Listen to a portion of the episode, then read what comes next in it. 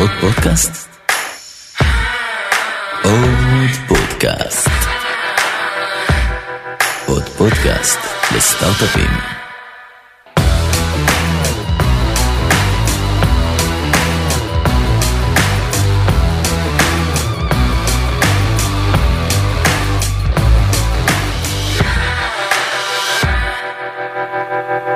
אבי, בוקר טוב.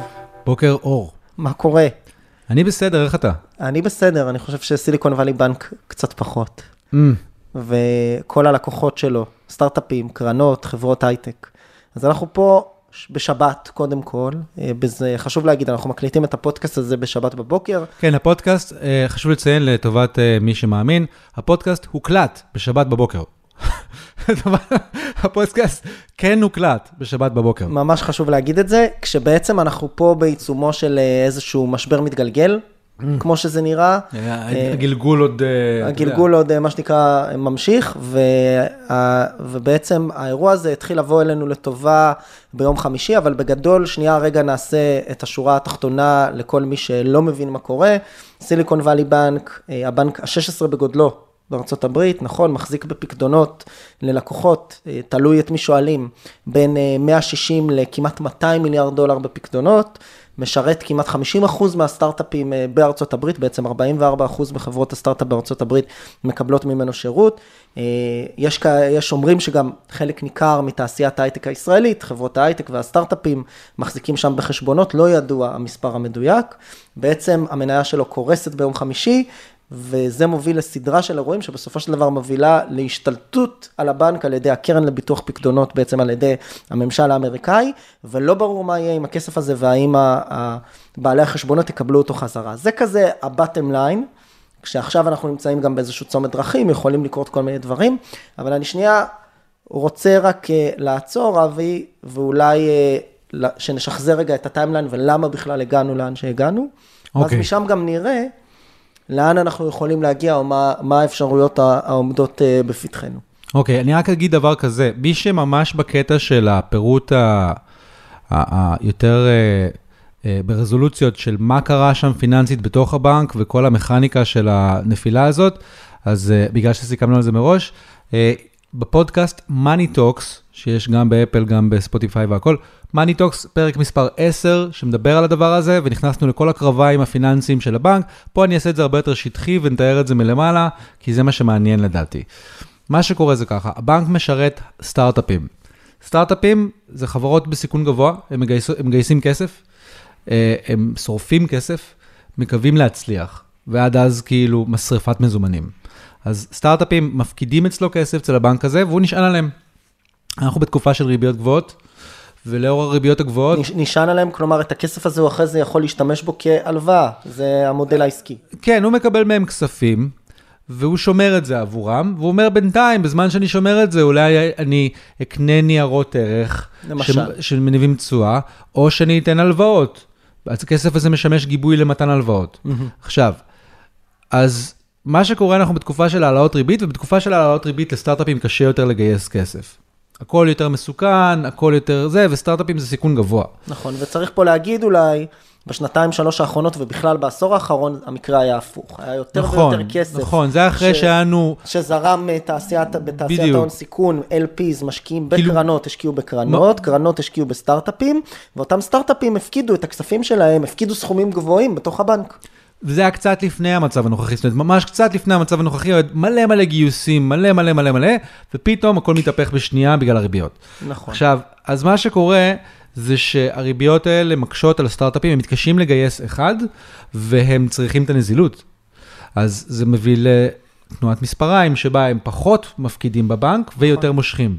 נכון. זה כבר מגמה של לא מעט חודשים, אבל מה שקורה זה שלדעתי בחודש אה, פברואר היה, אה, אה, זה היה יותר גרוע. היו יותר משיכות, והבנק הגיע למצב שהוא חייב לגייס מזומנים. כי יש לבנק בעצם איזשהו יחס אה, אלימות הון כזו, נכון? הוא חייב שיהיה לו מספיק נכסים נזילים.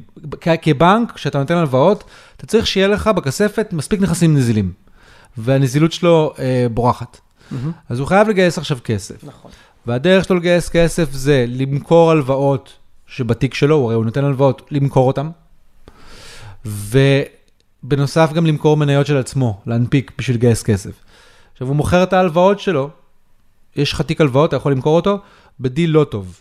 הוא, אני לא רוצה לחפור על זה יותר מדי, אבל הריביות הגבוהות הפכו את ההלוואות שיש לו בתיק ללא אטרקטיביות, הוא מוכר אותן בהפסד, הוא אני- מכיר עכשיו אני בהפסד. כן אשמח שנגיד על זה כמה מילים, אם זה בטח. בסדר. בטח. אה, בסופו של דבר, רק כדי לבאר את מה שקורה בתקשורת ואולי גם לעשות סדר. אז בסופו של דבר אמרנו, הבנק באמת אה, מחזיק בלקוחות שהם סטארט-אפים וקרנות, פחות כסף זורם לתעשייה הזו בחודשים האחרונים. הבנק, שוב, תקן אותי אם אני טועה, ובגלל טעמים של אה, גם אלימות הון, בעצם הוא צריך להחזיק עתודות הון מסוימות עבור כל כסף אה, שהוא מלווה וכדומה, מבין שהוא צריך אה, לסדר את המאזן שלו. כן. ובעצם עושה באמת שני דברים. אחד, הוא הולך, יש לו תיק של אג"ח מגובות משכנתאות או, או משכנתאות. כן, נכון? תיק, אפשר, אתה יכול לקרוא לזה תיק משכנתאות. תיק. משכנתאות. והתיק הזה, מישהו שם עשה משהו הזוי, נכון? לקח, אה, קנה משכנתאות בריבית אה, מאוד נמוכה של 1.5%. כן, הם ניהלו את הדיל שלהם. זמן, בדיוק, הם עשרים הם. נהלו דיל גרוע, הם נהלו דיל גרוע שם בצורה שהם עושים. יפה. את זה. עכשיו, מה שקורה כשהריבית עולה, אז בעצם חלק מהמשכנתאות הן צמודות ריבית, אז, ה, אז הריבית שלהם עולה, ואז הערך של המשכנתה יורד. זה, זה לא צריך זה להיכנס, זה לא היה הסבר, אני רק אדגיש, זה לא היה הסבר, זה לא קשור לצמוד, כאילו... זה לא קשור. זה, זה, זה, זה לא הדרך הנכונה to go about this, אוקיי. אלא יש לך, אוקיי, סגרת משכנתה שנותנת לך ריבית נורא נמוכה והיא הנכס, בסדר? אתה מסתכל על זה מזווית הנכס, כלומר, כאילו אני הבנק. אם אני הבנק, נתתי למישהו הלוואה והוא נותן לי ריבית נמוכה על זה, כי סגרנו אותה לפני, לפני שהריביות עלו. מהמם, היום הריביות גבוהות, מהמם. בכמה תצליח למכור אותה? אתה מבין? אז הערך שלה יורד. בדיוק. אז מה שקורה, בן אדם מסתכל עליך ויגיד, בן אדם, אתה מנסה למכור לי משכנתה שנותנת לך תשואה של אחוז וחצי? כשהריבית שלי בשוק, אני יכול? לקבל כן, תן לי חמש. בבקשה discount, תן לי בבקשה discount על התיק שלך. יפה, אז זה כבר כאילו- שווה פחות מעצם זה שהריבית בחוץ עלתה. בדיוק. ומה שקרה זה שבאמת היה לו תיק של 20 מיליארד דולר של משכנתאות, משהו כזה, הוא מכר 90. אותו.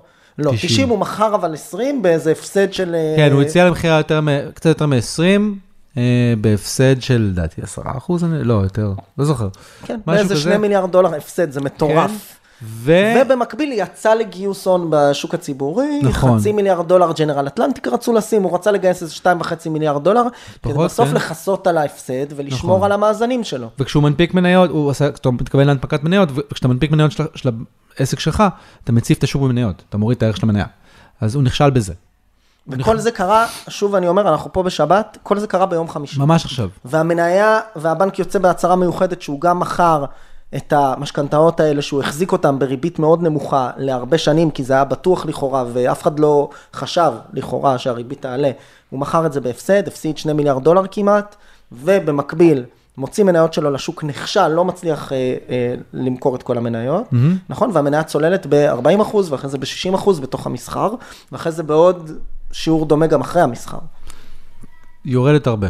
המון. בקיצור, אף אחד לא יודע כמה בכלל. לא, יודעים כמה, זה פשוט 80 ומשהו אחוז. וב, ובסוף הסיפור הוא, מה כל זה אומר, אז תכף נדבר אולי על מה זה אומר לבעלי המניות וכולי, אני חושב שזה פחות מעניין, אני חושב שמה שמעניין זה שבבנק הזה מוחזקים באמת חשבונות של הרבה מאוד אנשי הייטק וסטארט-אפים.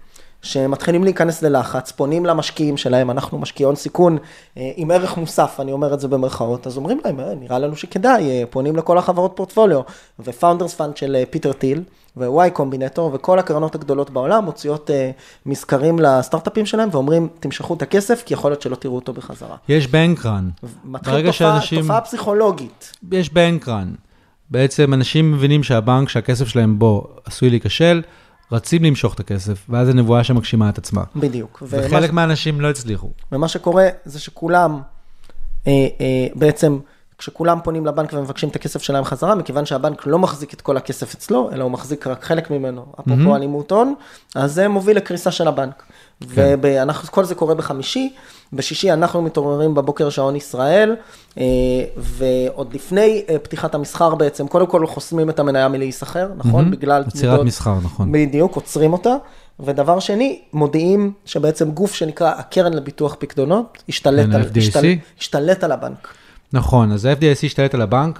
מה זה ה-FDIC, למי שלא זה מכיר? גוף שהתפקיד שלו זה בעצם, הוא בין היתר מבטח פקדונות בכל מיני מוסדות פיננסיים. זה סוג של רגולטור אה, על מוסדות פיננסיים שדואג שהלקוחות יהיו סבבה. כן, גוף שעבד מאוד קשה אחרי משבר 2008, המשבר הבנקאי. אני זוכר שהגעתי לגלובס ככתב ב-2011-2012, היינו כל שבוע מוציאים כתבה על אה, איזה בנקים הקרן לביטוח פקדונות סגרה ואיזה פקדונות היא החזירה חזרה ל... זה רגולטור שבסוף המטרה שלו לוודא שאם מקרה כזה קורה, אותם אנשים שהפקידו כסף בבנק, אני לא מדבר על לקחו הלוואה, לא על בעלי המניות, לא על בעלי אג"ח, לא אנשים... לא, לא, לא, הם דואגים ללקוחות. הם דואגים ללקוחות של הבנק, והם אומרים, אוקיי, יש לך 100 שקל בבנק, בוא נוודא שחלק ממנו חוזר אליך. אז הם עכשיו השתלטו על הבנק, פיטרו את המנכ"ל, לדעתי, אה, ובעצם עכשיו כולם מחכים, המסחר אמור להתחיל ביום אה, שני, ואנחנו עכשיו כולנו מחכים להבין מה, מה יכול לקרות, מהמם. מה האפשרויות פה. אתה כאילו מתעניין במניה? אני לא מתעניין במניה, אני מתעניין במה יכול לקרות עבור הלקוחות ואותם בעלי הפקדונות. מה, מה? מה התהליך שקורה פה עכשיו? אוקיי, אז בעיקרון ככה, אופציה אחת זה שהבנק הזה הולך לפירוק, ואז מוכרים את הנכסים שיש לו, ויש לו נכסים טובים, בסדר? יש לו, הוא לא, הוא לא בנק ממש זבל. אז מוכרים את הנכסים שלו ומחזירים ללקוחות מה שאפשר. כלל האצבע, בממוצע, הוא בדרך כלל שהלקוח יקבל 70% מהפיקדון שלו. העניין הוא שזה לוקח זמן. אתה לא מקבל את הכסף מחרתיים. וכשאתה סטארט-אפ ואתה הפקדת מזומן בבנק, ועכשיו אתה צריך מזומן, וייקח לך זמן לראות אותו חזרה, אז זה יכול להשפיע עליך מאוד לא טוב, זה חונק אותך. אז זה סיטואציה אחת. מה שסביר להניח שינסו לעשות, ה-FDIC זה לארגן מכירה של הבנק, באיזשהו בנק גדול, נגיד JP מורגן סטייל, שיקנה אותו. מכיוון שלבנק הזה יש גירעון בהון העצמי, של, אני לא יודע להגיד לך בדיוק כמה, אבל נגיד הערכה 15 מיליארד, אוקיי. אז בעצם מי שקונה אותו, קונה בור. אז עסקאות כאלה, אני מעריך, יעשו בדולר, אוקיי? זה עסקאות שיעשו ב-1 דולר, ושזה לא באמת, אתה משלם דולר, אתה משלם דולר פלוס ה-15 מיליארד בור, ואז איזה גוף יקנה את הבנק. זה בנק, הפעילות העסקית שלו היא טובה. וגם אז, להערכתי, לא סביר שהלקוחות יקבלו את כל הכסף. אבל מה זה אומר לא יקבלו את כל הכסף? אם יש החישובים כרגע- אם יש רוכש ואתה לא מפרק את הבנק, למה שהלקוחות ימשיכו לרוץ לכסף שלהם ולהעביר אותו? אוקיי, אם שנייה. בנק אוף אמריקה קונה אותו. שנייה, אז קודם כל, חישוב, מישהו עשה חישוב מעניין, הערכה שהלקוחות יהיו זכאים לכמעט 80% מהכסף שלהם חזרה, ואתה אומר, למה שהם לא יקבלו חזרה? כי המציאות קשוחה. אוקיי. מה אתה, כאילו, אתה יודע, כי העולם לא תמיד נוח. לא, אני לא שואל את זה במובן ההוגן, אני שואל את זה במובן של בהנחה ויש פה השתלטות של גוף בנקאי גדול. כי הוא לא הבנק. חייב. כי הוא לא חייב.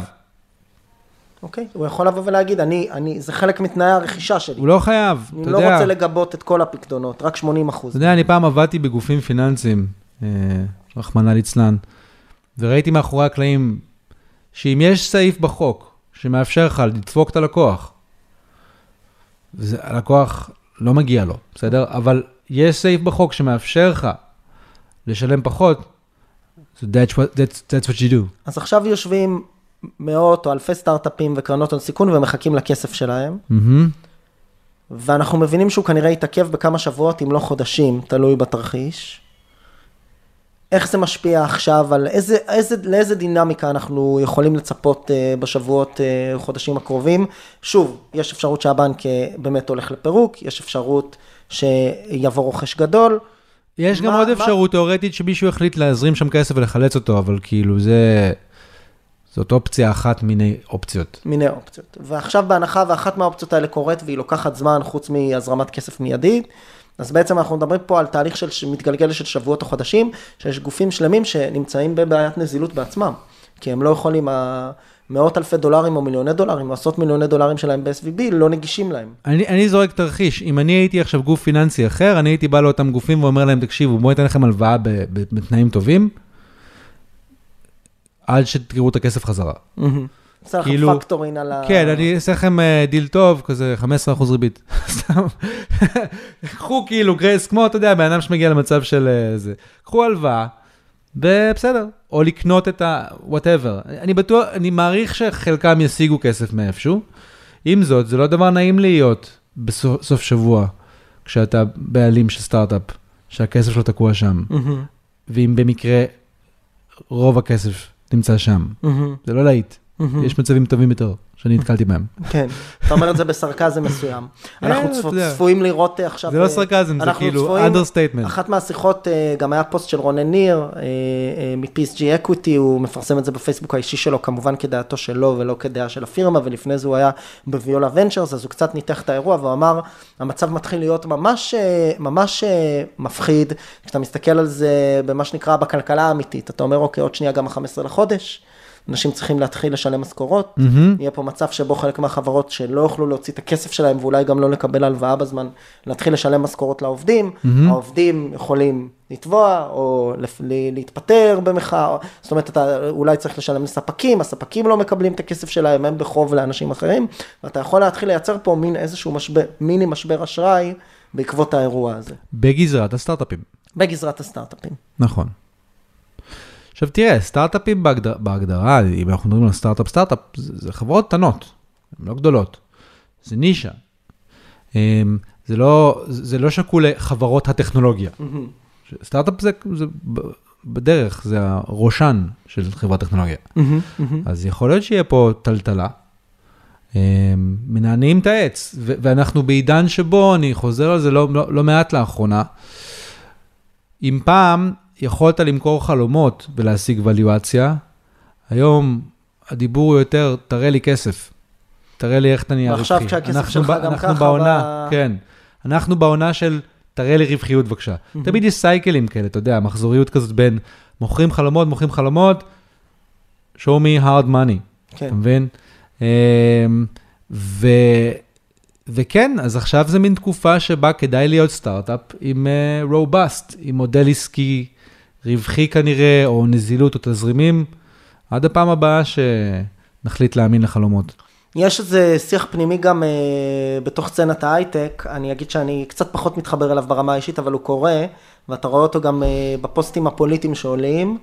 אה, הנה, שכנעתם את כל היזמים להוציא את הכסף שלהם לחו"ל, הנה תראה מה קורה כשאתה מוציא את הכסף שלך לחו"ל. אני, אני אגיד דבר אומר- כזה. מה אתה אומר קצת על הסיפור הזה? אז אני אגיד דבר כזה, המקרה הזה ממחיש עוד יותר למה חשוב שאדם יחשוב על ניהול סיכונים על הכסף שלו. לא משנה איזה כיוון. אני אתן לך את השני שקלים שלי. אני לא נכנס לדיון אם נכון, נכון או לא נכון להוציא כסף מהארץ, אבל אני אומר דבר כזה, נניח שהיה לך כסף במלטה, ואיזשהו דבר שאינו מובן לך עד הסוף בממשלת מלטה, מפחיד אותך. אתה לא אזרח מלטזי, הסיבה הכי קלה למשוך את הכסף, לשים במקום אחר, כי אתה רוצה ניהול סיכונים. אתה- השאלה היא פשוט איזה מין מטומטם אתה רוצה להיות. ראית איזה משהו שמטריד אותך. עכשיו, עוד פעם, אני לא נכנס לדיון של מה שקורה בארץ, יש פוזיציות לכאן או לכאן, אבל אדם רואה מצב שבו הוא אומר, קיים סיכוי שיקרה משהו רע לכסף שלי. כדאי שאני אוציא אותו מכאן ואשים במקום אחר. בן אדם, זה, זה דבר מאוד הגיוני מאדם לעשות. עכשיו, הרבה אנשים אומרים, חככה, הרבה מהסטארט-אפים העבירו את זה לבנק הזה, וככה נדפקו. ואני אומר, נכון, זה רק ממחיש עוד יותר כמה חשוב זה ניהול סיכונים. אז אם אתה רוצה לנהל סיכונים, אתה לוקח את הכסף שלך ואתה שם אותו במספר מקומות, ואתה בודק מה הביטוח על הכסף הזה.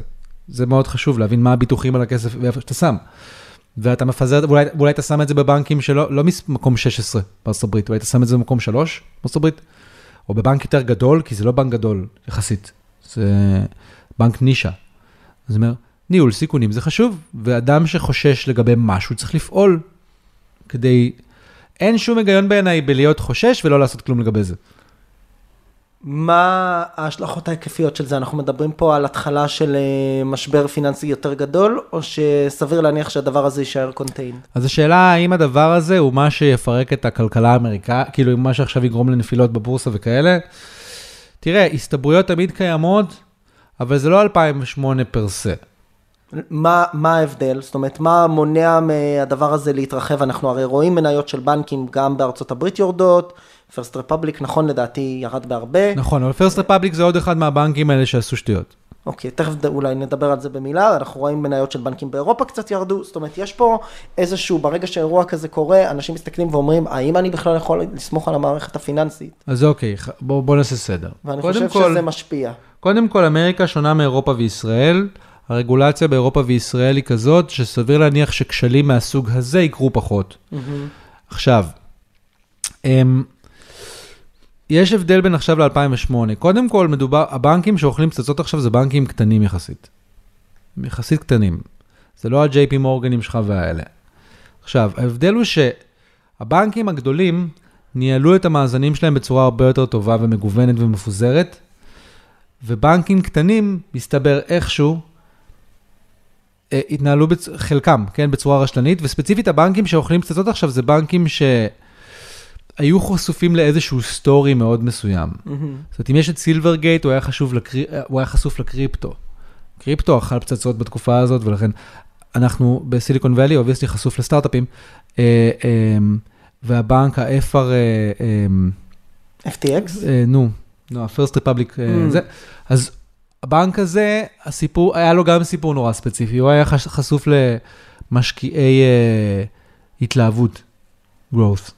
מה שאנחנו גם מדברים בפרק פודקאסט, שיש לנו ניתוח של מה שקרה שם.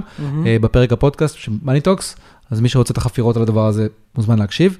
אבל אני אומר, זה בנקים שחשופים לסגמנטים נורא ספציפיים כרגע והם קטנים. הבנתי, להבדיל מ-2008 שהיה שם חשיפה מערכתית. נכון, אה, עכשיו, לאג"ח ב- 2008 מרובות משכנתאות סאב נכון. פריים. ב-2008 היה מדובר בנכסים רעילים שמוחזקים. פה לא מדובר בהחזקת נכסים רעילים, פה מדובר בסיכוני ריבית. בנקים שעשו מהלכים בתקופות שהריביות היו X, ועכשיו שהריבית היא Y, צריכים לעשות התאמות במאזנים שלהם. ואם הם לא גמישים מספיק או לא ניהלו את המאזנים שלהם נכון, אז, אז, אז הם מוצאים את עצמם במצב מלכוד. אז מה עכשיו אנחנו צפוי לקרות בימים הקרובים? כמה, על איזה timeline אנחנו מסתכלים עכשיו כדי לקבל uh, תמונה בהירה יותר, uh, מה יהיה מצבו של Silicon Valley Bank ושל כספי הפקדונות? אני מעריך שאנחנו נדע מה יהיה מצבו בשבוע, שבועיים הקרובים. ממש בשבוע, שבועיים הקרובים, יהיה- זאת אומרת, זה עניין של timeline מאוד מהיר, אפילו כאילו, רצוי, אני לא יש יודע. שאומרים אפילו לפני פתיחת המסחר uh, בשני, לא, לא יודע, אני, אין לי מושג, אבל כאילו, אני אומר, זה מאוד מטריד אנשים, אז אני מניח שיהיו resolutions. אתה יודע, בערך כמו שלקח ל-FTX עד שהבנו מה קורה איתה. אמ, זה זה, בוודאי כנראה יימצאו עוד בנקים במצב אה, דומה. לא סביר בעיניי שזה הבנקים הגדולים, וגם בשיחות שלי עם אנשים שהם אה, אינסיידרים בעולם הזה, אנליסטים של בנקים, אז זה לא אותו דבר. זה לא אותו דבר כמו אז. זה כן אירוע לא נעים שמשפיע מאוד גם על תעשיית ההון סיכון, אני מניח, ועל הסטארט-אפים. אה, כן, נכון. אבל מי ש... אני לא בטוח, בוא נגיד, אני לא יודע מה יהיה. לא הייתי ממהר לקבוע שזה, ואולי זה יהיה, כן, אבל שזה האירוע ארמגדון. אלא שאנחנו במין תקופה של קילוף פלסטר. הריביות הגבוהות זה תקופת קילוף פלסטר איטי כזה. אני חושב שאנחנו נראה בהילוך איטי מדי כמה זמן עסקים וחברות ש, שהריבית הזאת גומרת אותם. אוקיי? נראה לי לסיום אה, נבואת זעם, אבל אה, שמלחיצה קצת אנשים, אבל זו האמת. לא, בוא, בוא נסתכל, הכל, יכול- בוא נגיד ככה, אם יהיה מדהים וכיף, לזה לא צריך להתכונן יותר מדי. רוב מה שעושים משקיעים זה, זה ניהול סיכונים. האם הסתברות שמה שאני אומר יקרה? כן. האם הסתברות שזה בכלל לא יקרה והכל יהיה פנן? כן, גם קיימת, אבל להגיד שהיא היחידה? זה מוזר בעיניי, כי קל מאוד לראות בחברות ומאזנים שהריביות הגבוהות מקשות על לא מעט עסקים. המון עסקים התרגלו לשרוד בריבית אפס, זה לא חוכמה. איך אתה שורד? כשהריבית היא אפס, אין, איפה להשקיע, משקיעים בך, אתה מבין? העלויות שלך זולות. אתה תמיד יכול להיות רווחי מעט ועדיין להצליח לשרוד. אבל כשהריבית היא לא אפס, עכשיו אתה צריך to justify yourself. אז כאילו, יש מלא עסקים שבריבית אפס יכולים לשרוד, אבל בריבית הנוכחית הם לא. מהמם. ויש זיקה בין עסקים כאלה. וזה הזמן שבו, אתה יודע, יש אה, שפל, אז רואים מי, מי בלי תחתונים. אבי, המון המון תודה. בכיף כפרה, היה לי כיף. גם לי.